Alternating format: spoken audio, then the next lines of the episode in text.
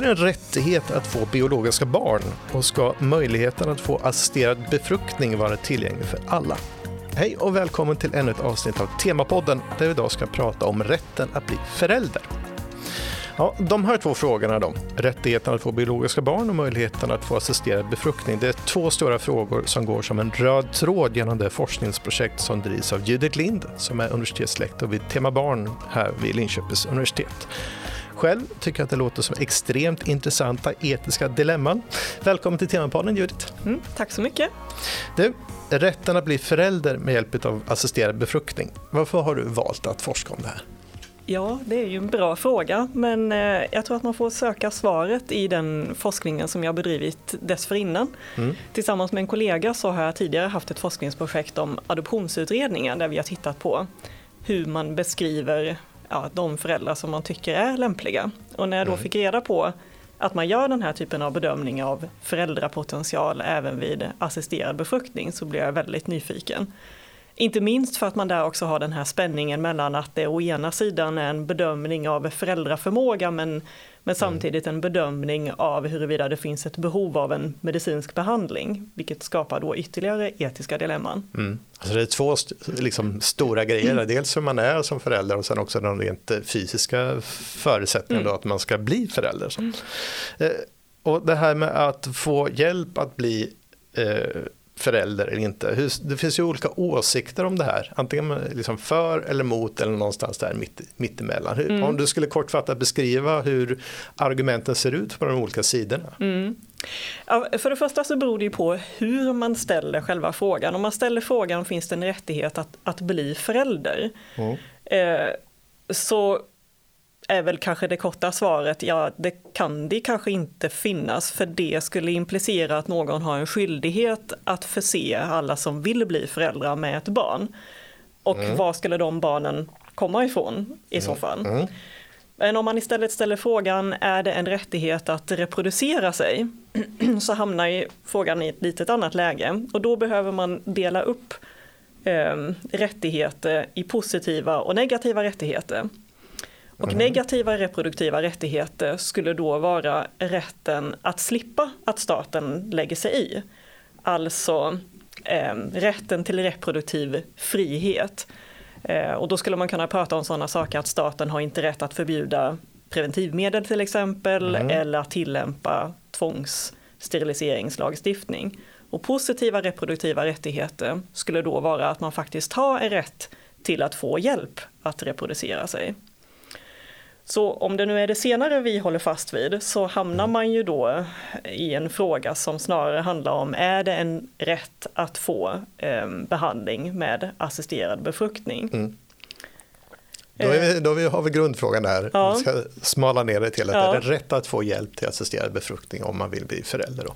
Och hur ser argumenten ut där då? Är det ja. en rättighet eller eh, det, vad är för och nackdelen beroende på vilken sida man står på? Ja, precis ja. Eh, jag tror att vi behöver smalna av, smalna av frågan ytterligare så småningom. Okay. Men om, om vi stannar där, är det en rätt att få hjälp med assisterad befruktning så kommer man ju in på att ja, men det är ju en medicinsk behandling.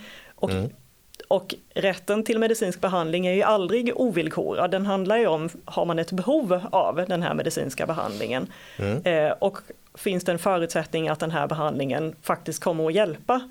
Eh, finns det också eventuella andra risker med den här behandlingen? Det är mm. den typen av bedömningar som, som läkaren gör. Mm. Eh, här har det också funnits en jättediskussion om huruvida det enbart är ett medicinskt behov av assisterad befruktning som ska anses ge mm. rätten ja, att få behandling eller mm. om också um, sociala skäl till ofrivillig barnlöshet ska um, ge de rättigheterna. Mm. Och här har vi sett förändringar i lagstiftningen hur man har sett på ja, ensamståendes och, och samkönade pars rätt att få hjälp. Ja, Sen finns det ju alltid rätten att inte bli diskriminerad vid den här typen av bedömningar. Mm.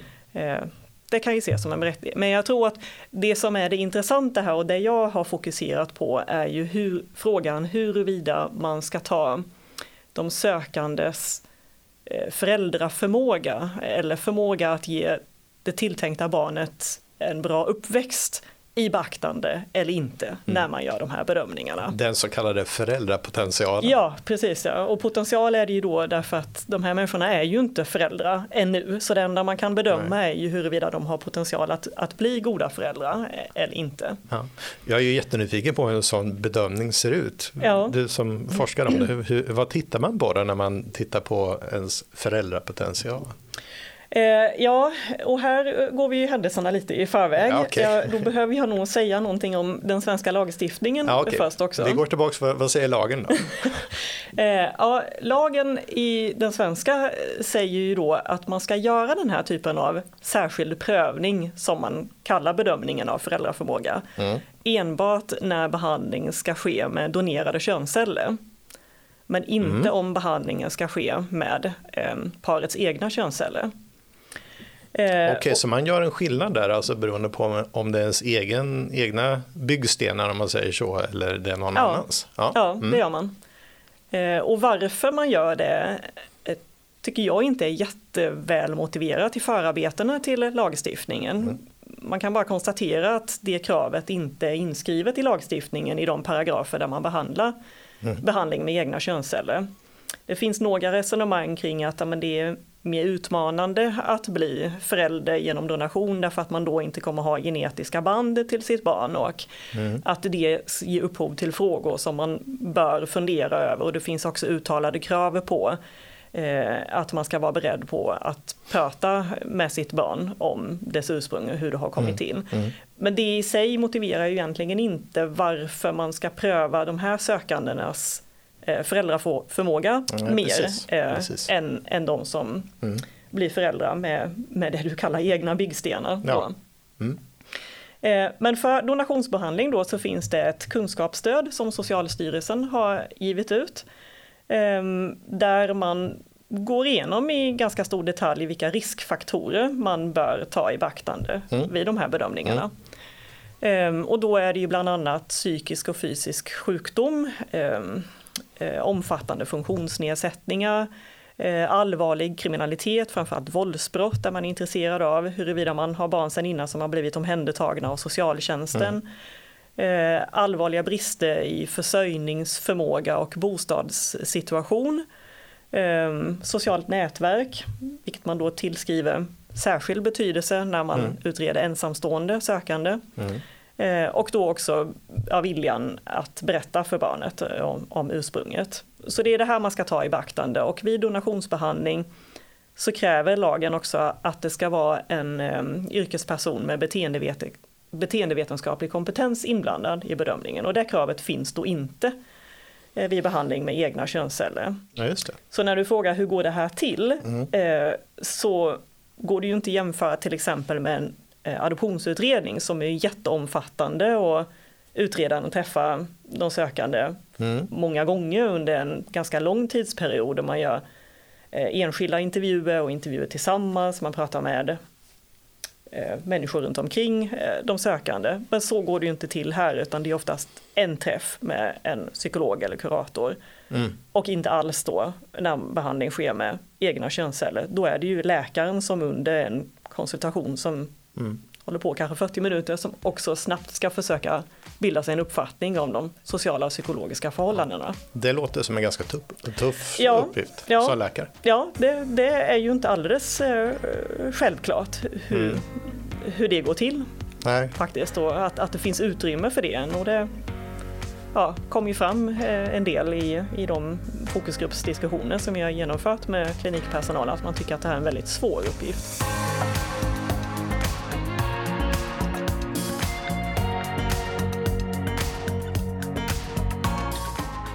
Det låter som en väldigt komplicerad situation för läkaren som då ska, ska, ska bedöma på det här korta tillfället. Då. Mm. Och, och, även då om man har att en psykolog är med och också bedömer så är det ändå liksom vid ett tillfälle som, som det händer. Om vi skulle se, titta lite grann nu på hur lagstiftningen ser ut. Vad säger lagstiftningen om, om de här bedömningarna, hur de ska gå till och, och huruvida man kan få hjälp till assisterad befruktning om man är intresserad av att bli förälder men inte kan göra det utan hjälp? Då? Ja, det, det, lagstiftningen säger vid donationsbehandling är ju att det måste finnas förutsättningar för att barnet ska få en god eh, uppväxt. Mm. Eh, sen finns det ju andra, andra krav då som att vare sig kvinnans eller barnets eh, hälsa eller liv får äventyras genom graviditeten och, och behandlingen om man mm. blir tvungen att sätta ut mediciner eller eh, om kvinnan skulle ha mm, något, något hjärtfel eller sådär mm, så tar man ju mm. hänsyn till det. Så att mm. de kraven finns ju också. Men sen utöver den nationella lagstiftningen så finns det också regionala riktlinjer mm, eh, för regionerna. Och som innehåller då krav och kriterier som ska vara uppfyllda för att få, um, få rätt till offentligt finansierad behandling. Mm. Uh, I de flesta regioner så finns det ju uh, regler som, som styr hur många försök eller hur många behandlingscykler som mm. man kan få offentligt mm. finansierade. Vill man då fortsätta efter det så får man bekosta behandlingen själv. Men, men för att överhuvudtaget komma i fråga för offentligt finansierad behandling så behöver ett visst antal krav och kriterier vara uppfyllda. Mm. Det finns åldersgränser och eh, krav på body mass index ska vara över ett visst mått och under ett visst mått. Ja, de sökande behöver också förbinda sig till att man slutar röka för att öka behandlingschanserna och så mm, vidare. Mm, mm. Och utöver det så finns det ett krav på att det inte får finnas några allvarliga psykologiska eller sociala faktorer som eh, talar emot föräldraskap. Mm -hmm. eh, och det intressanta är ju då att i de regionala riktlinjerna så går skiljelinjen här mellan offentligt finansierad och egenfinansierad behandling oavsett om man använder sig av donerade könsceller eller inte. Mm. Medan lagstiftningen som jag sa förut skiljer mellan eh, donationsbehandling och behandling med egna könsceller. Så där finns det en skillnad då? Ja, precis. Ja. Och det här skapar ju ytterligare då eh, komplexitet i praktiken på ja. kliniken därför ja. att man enligt de regionala riktlinjerna är, är tvingade eller anmodad att ta psykologiska och sociala förhållanden i beaktande vid all sorts behandling. Mm. Men man har alltså bara möjligheten till att involvera en beteendevetare vid donationsbehandling. Mm. Egentligen. Du har ju forskat om det här under ganska lång tid nu. Hur, hur, går det till när du forskar om det här? Vilka, vilka pratar du med och vad tittar du lite mer djupt noggrant på? Mm. Eh, jag har ju dels eh, tittat på eh, ja, lagstiftning och olika policydokument både på nationell och regional nivå och mm. förarbetena hur man har resonerat kring de olika beslut som har fattats längs vägen sedan den första inseminationslagen kom 1984. Mm. Och sen så har jag gjort gruppintervjuer eller så kallade fokusgruppsdiskussioner då med personal vid fyra olika fertilitetskliniker. Sammanlagt så är det 64 stycken som, som jag har pratat med. Mm. Okay. Och då är det både läkare och kuratorer och labbpersonal och sjuksköterskor och barnmorskor. Mm. Och det här dilemmat då som jag pratade om när vi började, dels kan det vara ett dilemma för föräldrar men även då personalen som jobbar på mm. klinikerna som kanske ska utföra det här eller göra de här bedömningarna av föräldrapotential exempelvis. Hur, hur, hur resonerar man i praktiken då när det kommer till de här frågorna om om man kommer och säger att ansöker om att men jag skulle vilja ha hjälp att bli förälder? Mm, mm. Ja, för det första så, så ger man verkligen uttryck för att det är ett, dilemma. Man mm. tycker att det är, det är svårt att göra de här bedömningarna. Man, man inser också hur stora konsekvenser det får för de sökande om man nekar någon eh, behandling. Eh, men likväl så ger man också tydligt uttryck för att eh, man tycker att det är viktigt att man tar hänsyn till eller i beaktande de sökandes eh, föräldraförmåga. Mm. Eh, och det var ganska samstämmigt i, i alla grupper. Det var verkligen det dominerande ställningstagandet. Eh, någon enstaka röst fanns som var tveksam till detta, men, men överlag så, så var alla ganska överens om det här. och att man inte skulle göra skillnad mellan donationsbehandling och behandling med, med egna eh, könsceller ja. gav man också tydligt uttryck för. Mm. Man beskrev det för mig som att ja, men om vi kommer i kontakt med ett par sökande så, där vi har allvarliga farhågor kring hur de skulle fungera som föräldrar mm. så gör vi ju ingen skillnad eh, i vårt sätt att tänka kring det om de kommer få behandling men donerade könsceller eller egna könsceller. Nej. Ibland vet man inte det från början heller, Nej. att man prövar med egna könsceller först och Mm. först senare i processen så blir det aktuellt med donerade könsceller. Mm. Så det var det ena. Sen blev jag intresserad av vilka, vilka argument man då eh, hade för sitt ställning, ställningstagande. Mm. Eh, och för att få lite struktur i, i analysen där, på den här ganska komplexa diskussionen, så delade jag upp argumenten i ja, dels vem, vem är det som sägs ha någonting att vinna på att man gör eh, de här bedömningarna. Mm.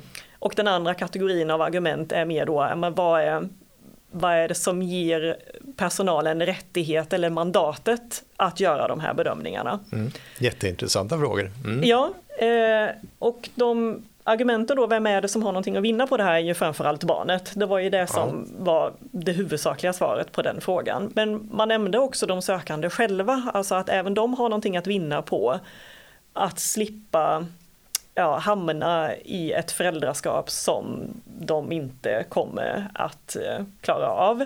Ja. Eh, och där resonerar man också en hel del kring ja, hårda och mjuka nej. Att Mm. eh, bara för att man får ett nej nu så betyder inte det att det behöver gälla för alltid utan man kan ju alltid söka igen Ja. vid ett senare tillfälle och hoppas att man genom samtal med de sökande kan ja, mana till själv, självreflektion också. Mm.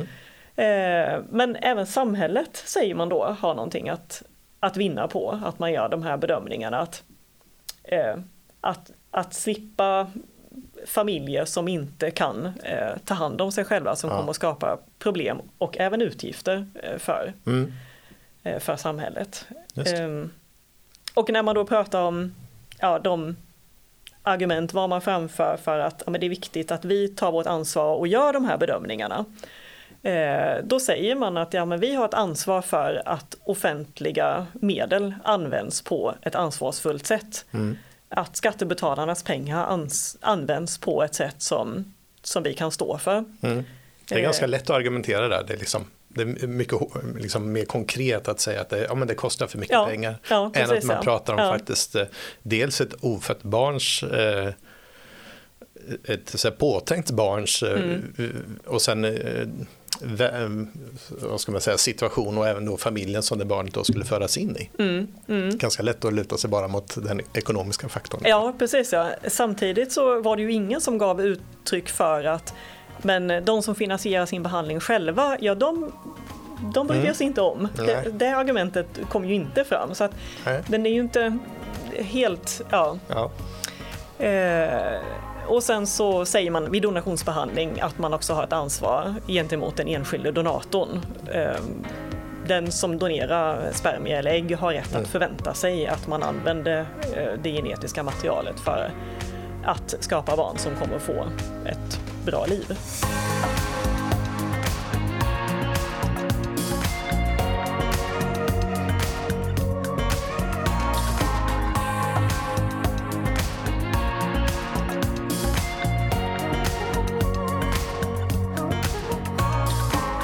Här på tema så är det ju starkt fokus på tvärvetenskaplig forskning, det vill säga att olika forskningsdiscipliner ska samverka. Hur märks det här tvärvetenskapliga perspektivet i din forskning? Ja, hela projektet är ju ett samarbete med eh, forskare som jobbar på, på Medfac. Mm. Så här är ju det tvärvetenskapliga perspektivet väldigt starkt skulle jag säga. Mm. Och utan, utan deras medverkan så hade nog inte det här projektet, ja det hade definitivt inte sett ut som det gör men det hade kanske knappt varit möjligt att genomföra ens. Mm. Mer konkret, då, vad har det inneburit att kunnat samarbeta med de här forskarna som jobbar inom medicin? Då? Ja, dels eh, ingången till, till klinikerna tror jag Mm. att eh, det har varit väldigt viktigt att eh, eh, ha dem med i, i projektet. Eh, och också en, en förståelse för eh, den medicinska aspekten av behandlingen. Eh, Jag vet att jag, när jag närmade mig de här frågorna och kom från ad- adoptionshållet så var jag väldigt fokuserad på ja, men den sociala och psykologiska bedömningen. Men eh, jag fick ju ganska snart klart för mig att det inte är självklart att det går att separera från den medicinska bedömningen heller. Ehm, ett missbruk till exempel eh, är ju både en social faktor men, men också mycket en, en, en medicinsk faktor som ja. kan göra behandlingen eh, olämplig av medicinska skäl. Så, så, att det var väl, det var inte alls så, så skilda delar som jag först trodde. Nej. Ehm. Nya perspektiv på det ja, och kanske ja. att det var mer komplicerat ja, än vad du verkligen trodde från mm. början. Dina resultat då, hur tolkar du dem? Ja, alltså jag skulle nog säga att den här kombinationen av lagstiftningen på nationell eh, nivå som då gör den här distinktionen mellan donationsbehandling och behandling med egna könsceller å mm. ena sidan eh, och så de regionala riktlinjerna som skiljer mellan offentligt finansierad behandling och egenfinansierad behandling. Mm. Eh, och därtill då klinikpersonalens eh, egna ställningstaganden där man tycker att det är viktigt med psykologiska och sociala bedömningar mm. vid all assisterad befruktning egentligen riskerar ju att skapa en, en bedömningssituation som blir otydlig eh, för de sökande. Mm. Eh, att man inte eh, helt kan överblicka från början vad det är som bedöms huruvida man är föremål för en social och psykologisk bedömning eller inte och, när under processen egentligen. Mm. Så ja. Där det finns väl... det saker att jobba med. Ja, ja, ja, mm. jag tänker det ja. Mm. Läge för en lagförändring igen kanske? Ja, och faktiskt så eh, Statens medicinsk-etiska råd föreslog redan 2013 att man skulle ta bort den här skillnaden eh, mm. mellan de olika behandlingstyperna. Och jag tänker att det är är läge att titta på den frågan mm. igen. När tror du att det kan ske? ja, ja, det törs jag inte säga. Nej. Vi får se hur det går. Tack så mycket Judith Lind, universitetslektor vid Tema Barn för att du vill vara med i det här avsnittet av Temapodden. Mm, tack för att jag fick komma. Har du synpunkter och tankar kring det du precis har hört kan du mejla dem till temapodden lie.se. Och vill du lyssna på fler poddar från Linköpings universitet så hittar du dem på adressen lie.se podcast. Om du gillar det du precis har hört så ska vi uppskatta om du vill gå in på iTunes och betygsätta Temapodden så kanske fler lyssnare får chansen att upptäcka denna podd. Jag heter Per Wismonebell och Temapodden är snart tillbaka med fler avsnitt.